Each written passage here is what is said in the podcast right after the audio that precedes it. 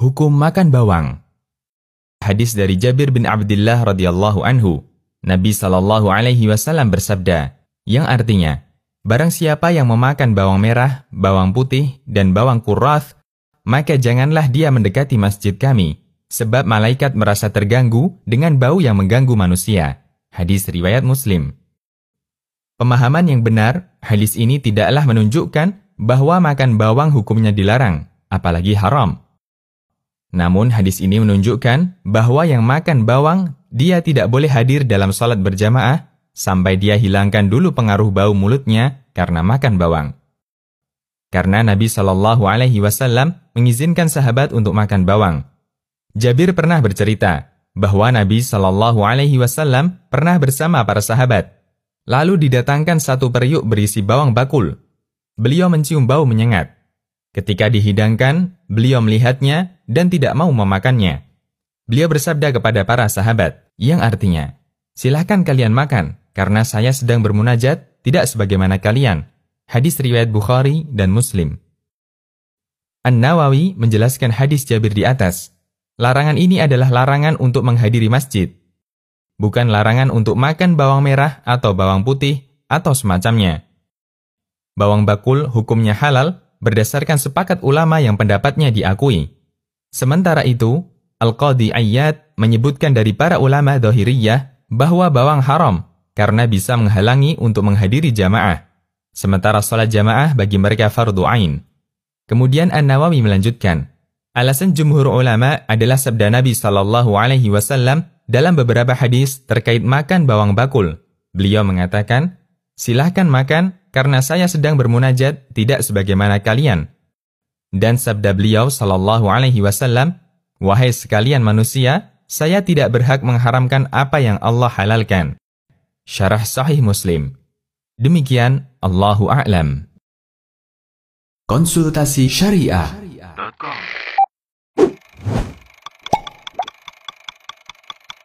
Dan gengsi itu ada dua, gengsi. Saya dulu berkuar-kuar, tahlilan itu sunnah, selamatan itu sunnah. Eh sekarang bid'ah. Waduh, coba bayangkan Pak.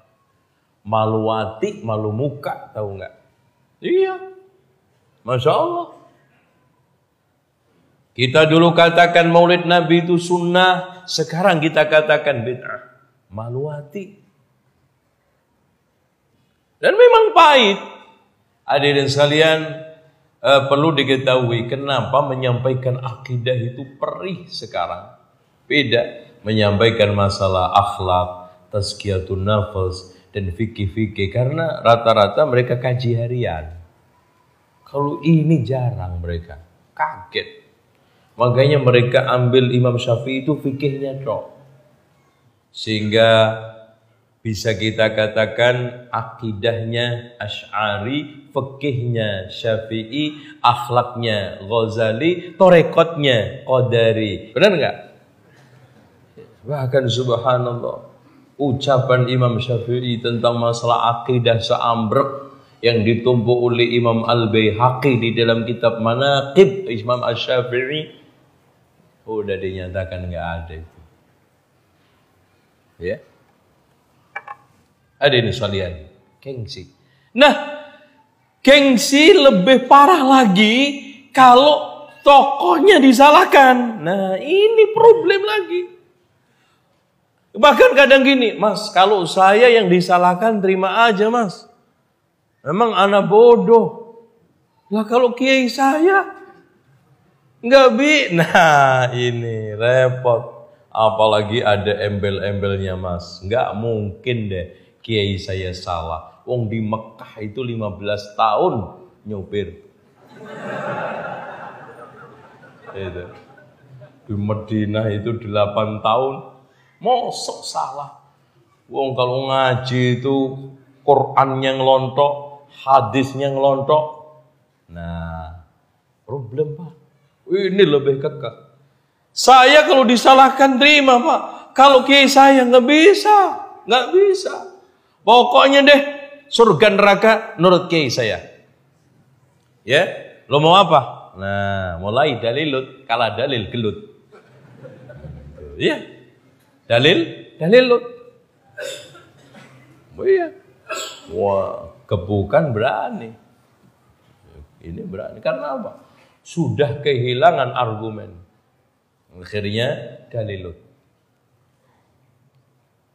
Inilah problem pencarian kebenaran semakin tertarung di kaki sendiri, semakin sulit dan semakin kusut di tengah masyarakat. Makanya orang menyampaikan kebenaran di zaman sekarang itu sering saya umpamakan Pak. Walaupun perumpamaan ini remeh banget, sederhana, tapi bermakna. Orang menyampaikan kebenaran yang hak apalagi akidah sunnah lawan bid'ah itu seperti naik gunung licin bawa satu kental kedelai ditik-itik. Bisa nyampe? Bisa nyampe? Enggak. Baik, kita lanjutkan. Selanjutnya menerima kebenaran bukan di, menolak kebenaran bukan karena kebenaran yang nggak jelas.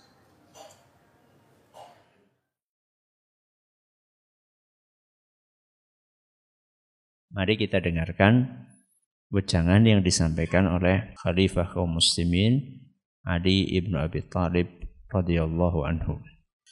Al-ilmu khairum minal mal. Ilmu itu lebih baik, lebih berharga, lebih istimewa daripada harta. Al-ilmu yahrusuka wa anta tahrusul mal. Alasan yang pertama, ilmu itu menjagamu. Ilmu itu menjagamu. Sedangkan harta, engkau yang menjaga dia. Yang kedua kata beliau, Al-malu yunqisuhun nafaqah wal ilmu yasku alal infaq. Alasan yang kedua, kenapa ilmu lebih berharga dibandingkan harta? Karena harta tersebut akan berkurang ketika kita keluarkan. Sedangkan ilmu akan bertambah ketika kita gunakan.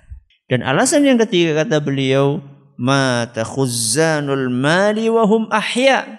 Para penimbun harta itu masih hidup sudah mati. Wal ulama baquna ma baqiyad dahru. Adapun ulama, orang yang berilmu, mereka sudah mati tapi masih hidup. Kalau orang punya harta, dia cuma timbun, timbun, timbun, timbun, gak pernah dia infakkan menjadi orang yang pelit, dia akan dilupakan oleh masyarakatnya. Masih hidup pun sudah dilupakan. Apa mani? Bis mati. Keutamaan surat Al-Kahfi dan surat Al-Mulk. Pertanyaan. 1. Apakah fadilah surat Al-Kahfi yang dibaca pada malam Jumat atau siang Jumat menurut hadis yang sahih? 2. Surat Al-Mulk dapat menghindarkan pembacanya dari azab kubur jika dibaca setiap hari. Apakah hadis tentang fadilah surat tersebut sahih? Kapan sebaiknya dibaca? Malam atau siang hari? Jawaban untuk pertanyaan pertama. Hadis pertama, Barang siapa yang membaca surat Al-Kahfi pada malam Jumat, dia akan disinari cahaya antara dirinya dan Ka'bah. Hadis riwayat Darimi dan disahihkan Al-Albani.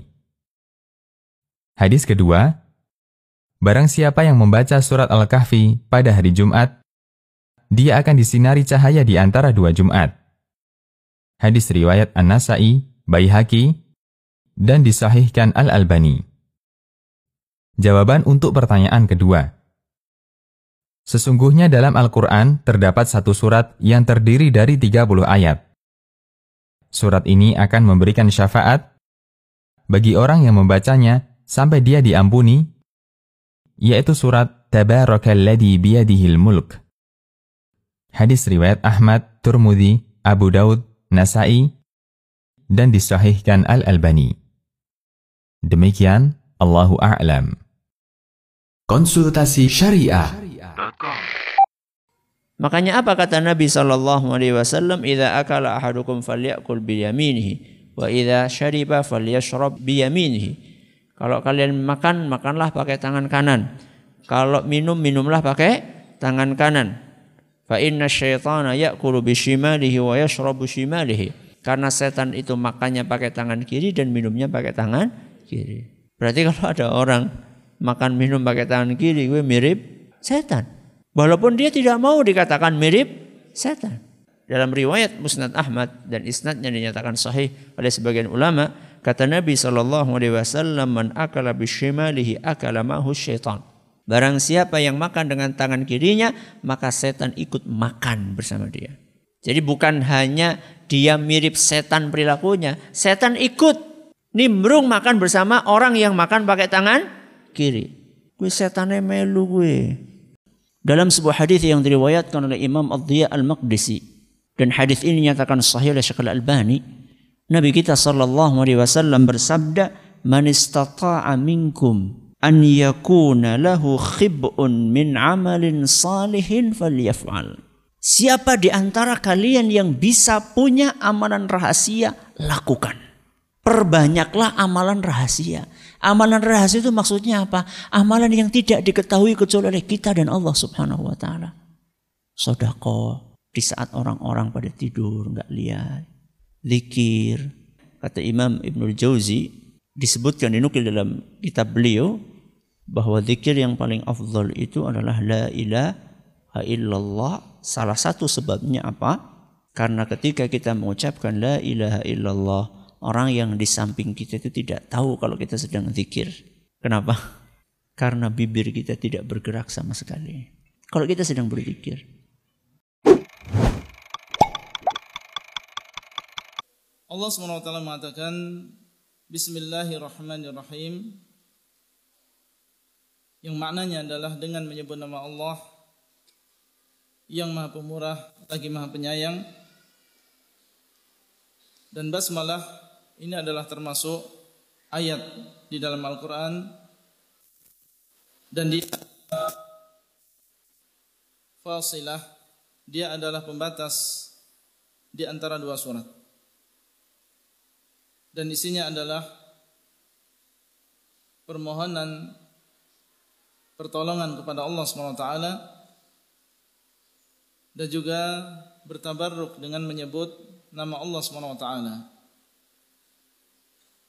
Dan di dalam kalimat basmalah penyebutan Ar-Rahman, Ar-Rahim dua nama di antara nama-nama Allah yang husna yang mengandung sifat rahmah bagi Allah Azza wa Jalla. Allah mengatakan setelahnya tabbat yada abi lahabim wa tab. Surat Al-Lahab adalah surat Makkiyah yang diturunkan sebelum hijrahnya Rasulullah sallallahu alaihi wasallam. Di dalam ayat yang pertama Allah mengatakan tabbat yada abi lahab. Jadi maksud dengan tabbat adalah celaka.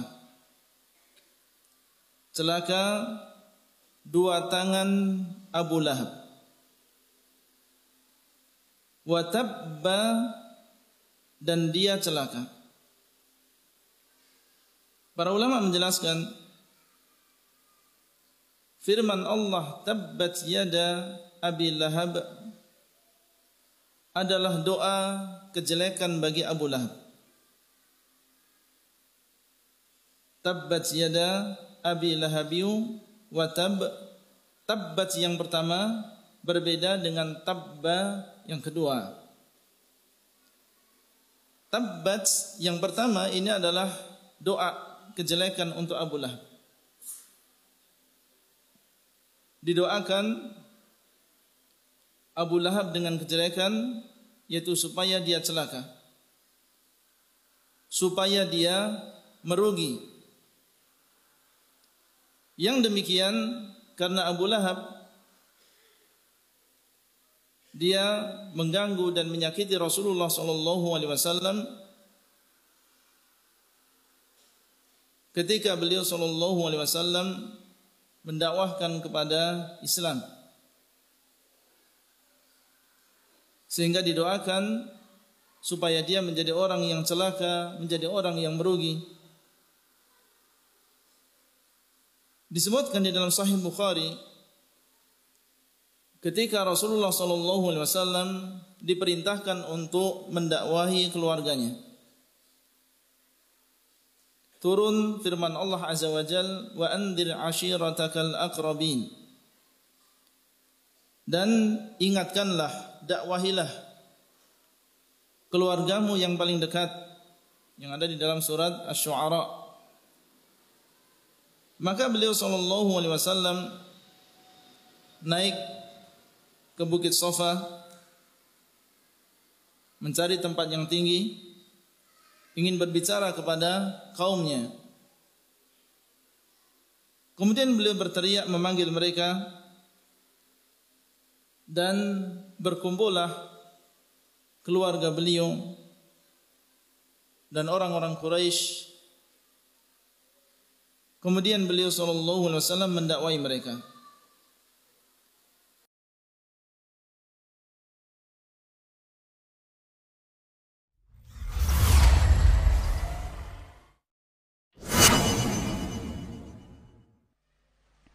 Panjenengan punya rumah sendiri kapan?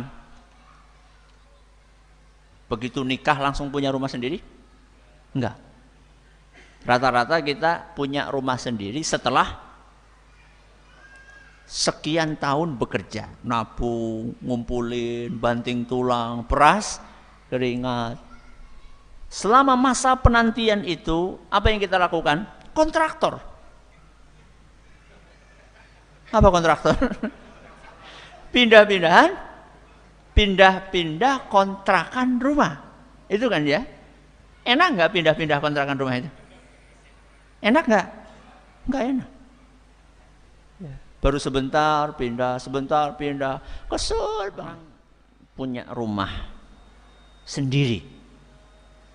Setelah ngontrak pindah-pindah dan rumah itu hasil jerih payah sendiri dan dia sendiri membangun rumah itu secara bertahap. Ada rizki dia beli apa? Tanah. Ada rizki lagi dia mulai bikin pondasi berhenti. Kerja lagi. Setelah sekian tahun mulai bikin tembok berhenti lagi atap berhenti lagi sampai jadi. Ketika jenengan pindah ke rumah milik sendiri itu kemudian tinggal di situ Enak atau tidak? Nikmat atau tidak? Nikmat. Walaupun mungkin rumahnya sederhana. Tidak semewah rumah mertua indah. Ya. Tapi nikmat. Rasa capek dulu ketika kita bekerja membanting tulang, memeras keringat, ngirit makan, ngirit pengeluaran supaya bisa nabung. Seakan-akan capek itu semuanya hilang ketika kita merasakan tinggal di rumah milik sendiri tadi. Saya tanya, Anda itu kira-kira tinggal di rumah itu berapa ratus tahun?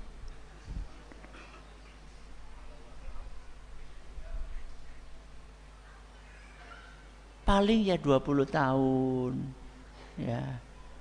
Kita kan kerja mulai jenengan mulai bisa bikin rumah umur berapa? 40 tahun, 50 tahun. Lalu kemudian kasih umur sampai Allah 60 sama Allah 60 70 tahun. Berarti kita tinggal di situ menikmati 20 tahun. Setelah itu sudah orang lain yang akan menikmati. Apakah jenengan tidak ingin menikmati lebih lama hasil dari jerih payah kita bekerja? Pengen atau tidak? Pengen. Kita ini bekerja siang malam, cuma dinikmati selama 20 tahun. Itu kalau sampai 20 tahun. Itu kalau sampai setahun. Ada orang selesai bangun hari ini, ngesok mati, Orang lagi Ada orang yang seperti itu. Kisah nyata itu. Lantainya dicarikan marmer, catnya yang paling top. Belum lagi aksesoris yang ada di dalam rumahnya. Yang ini impor, yang ini datangkan dari tempat yang jauh. Begitu dia duduk, gitu. enak banget ya uh, mati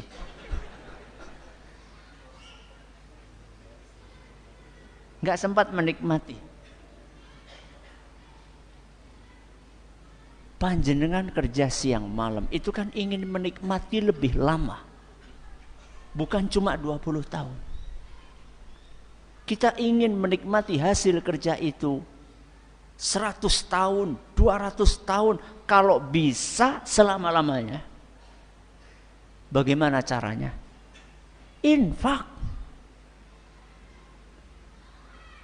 Itu yang menyebabkan para sahabat mau capek kerja untuk infak. Karena mereka tahu apa yang mereka infakkan itulah yang akan mereka nikmati lebih lama dibandingkan yang digunakan untuk kepentingan pribadi. Jadi orang Islam boleh bekerja supaya jadi orang kaya, bahkan orang yang amat sangat kaya sekali. Tapi untuk apa kekayaan tersebut? Untuk kepentingan kaum muslimin, untuk kepentingan agama Islam untuk membantu orang-orang fakir, orang-orang miskin, untuk bangun masjid, untuk nyumbang pesantren, untuk bikin panti asuhan. Kayak Abdurrahman bin Auf itu loh. Kayak Uthman bin Affan itu loh.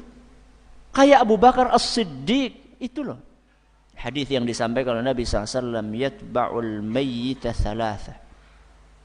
Yang akan menemani mayit sampai ke kuburan itu ada tiga yang dua bakalan pulang yang satu itu yang bakalan setia menantinya tiga itu adalah harta keluarga amal soleh. Yang dua bakalan pulang siapa? Harta dan keluarga kita. Dan yang akan setia menemani kita adalah amal soleh yang kita kerjakan. Itu yang akan menemani kita. Maka silakan bekerja. Bahkan jadilah orang kaya. Tapi jadi orang kaya bukan sekedar jadi orang kaya, tapi jadi orang kaya supaya kekayaannya bisa dimanfaatkan untuk amal soleh sebanyak mungkin.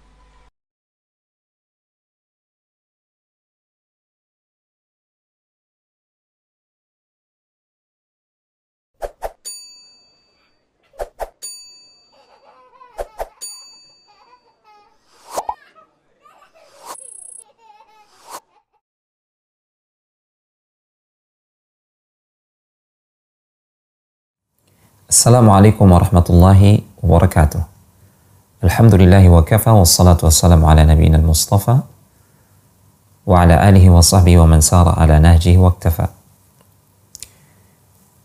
Aisyah radhiyallahu taala anha istri Rasulullah sallallahu alaihi wasallam yang mulia sekaligus ibu bagi segenap kaum mukminin.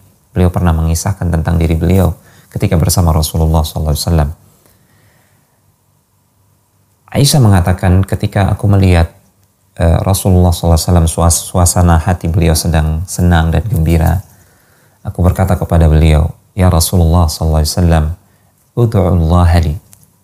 Wahai Rasulullah, doakanlah untukku kebaikan. Doakanlah kepada Allah untukku kebaikan. Kemudian Rasulullah SAW eh, berdoa untuk Aisyah. Allahumma ufir li Aisyata ma taqaddama min dhanbiha wa ma ta'akhkhar ma asarrat wa ma a'lanat. Ya Allah ampunilah dosa-dosa Aisyah. Apa yang telah lalu dan apa yang akan datang. Apa yang terang-terang apa yang tersembunyi dari dosa-dosanya dan dosa-dosa yang nampak. Ampunilah Aisyah radhiyallahu taala ini adalah doa Nabi Sallallahu Alaihi Wasallam kepada Aisyah.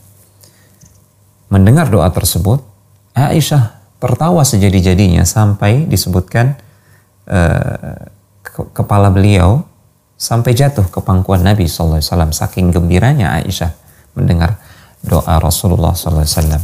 Kemudian Rasulullah bertanya kepada Aisyah, Ayasurruki doai, apakah doaku ini membuatmu gembira dan senang? Uh, Kemudian Aisyah radhiyallahu taala anha menjawab, "Wa ma li la yasurruni du'auk?" Tentu saja wahai Rasulullah SAW aku sangat gembira mendengar doamu tersebut. Bagaimana mungkin aku tidak akan gembira dengan doamu? Kemudian Rasulullah SAW bersabda kepada Aisyah, Wallahi, Wallahi, innaha la du'ai li ummati fi kulli salati. Demi Allah, wahai Aisyah, itu adalah doa yang sama yang aku ucapkan untuk umatku di setiap salatku. Hadis ini diriwayatkan oleh Imam Ibn Hibban dan dihasankan oleh Syekh Al-Albani rahimahullah taala. Perhatikan hadis yang mulia ini, kisah yang sangat indah ini. Bagaimana uh, keakraban Rasulullah SAW bersama istri beliau dan bagaimana Aisyah sangat pandai mencari peluang manakala suami beliau baginda Rasulullah SAW suasana hatinya sedang gembira di situlah beliau meminta untuk didoakan dan Rasulullah SAW mendoakan kebaikan uh, bagi Aisyah dan sebaik-baik kebaikan adalah manakala Allah Subhanahu wa taala mengampuni dosa-dosa kita yang telah lalu dan yang akan datang. Lihat bagaimana kemesraan Aisyah bersama Rasulullah Wasallam. Ini adalah gambaran rumah tangga muslim yang ideal yang sempurna dan hendaklah kita mencontoh rumah tangga beliau Rasulullah SAW bersama Aisyah dan istri-istri beliau yang lainnya. Lihat pula bagaimana kasih sayang Rasulullah SAW kepada kita umatnya. Ternyata apa yang menjadi doa Rasulullah kepada istri tercintanya itu pula yang menjadi doa beliau untuk kita umatnya di setiap solat beliau. Betapa sayangnya beliau kepada kita sungguh merupakan sebuah kedurhakaan yang sangat besar. Ya, manakala kita membalas cinta Rasulullah SAW dengan kedurhakaan, dengan berpaling dari sunnahnya, dengan tidak mau mengikuti ajarannya, ya, atau tidak mem, tidak mempercayai apa yang beliau sabdakan, atau enggan merasa berat mengamalkan uh, apa yang menjadi petunjuk beliau. Semoga Allah Subhanahu Wa Taala uh, menjadikan kita cinta kepada beliau dengan mengamalkan sunnah-sunnah beliau dan ajaran-ajaran beliau. Demikian nabiyina Muhammad wa ala alihi wa sahbihi wasallam. Wa da'wana alhamdulillahi alamin. Assalamualaikum warahmatullahi wabarakatuh.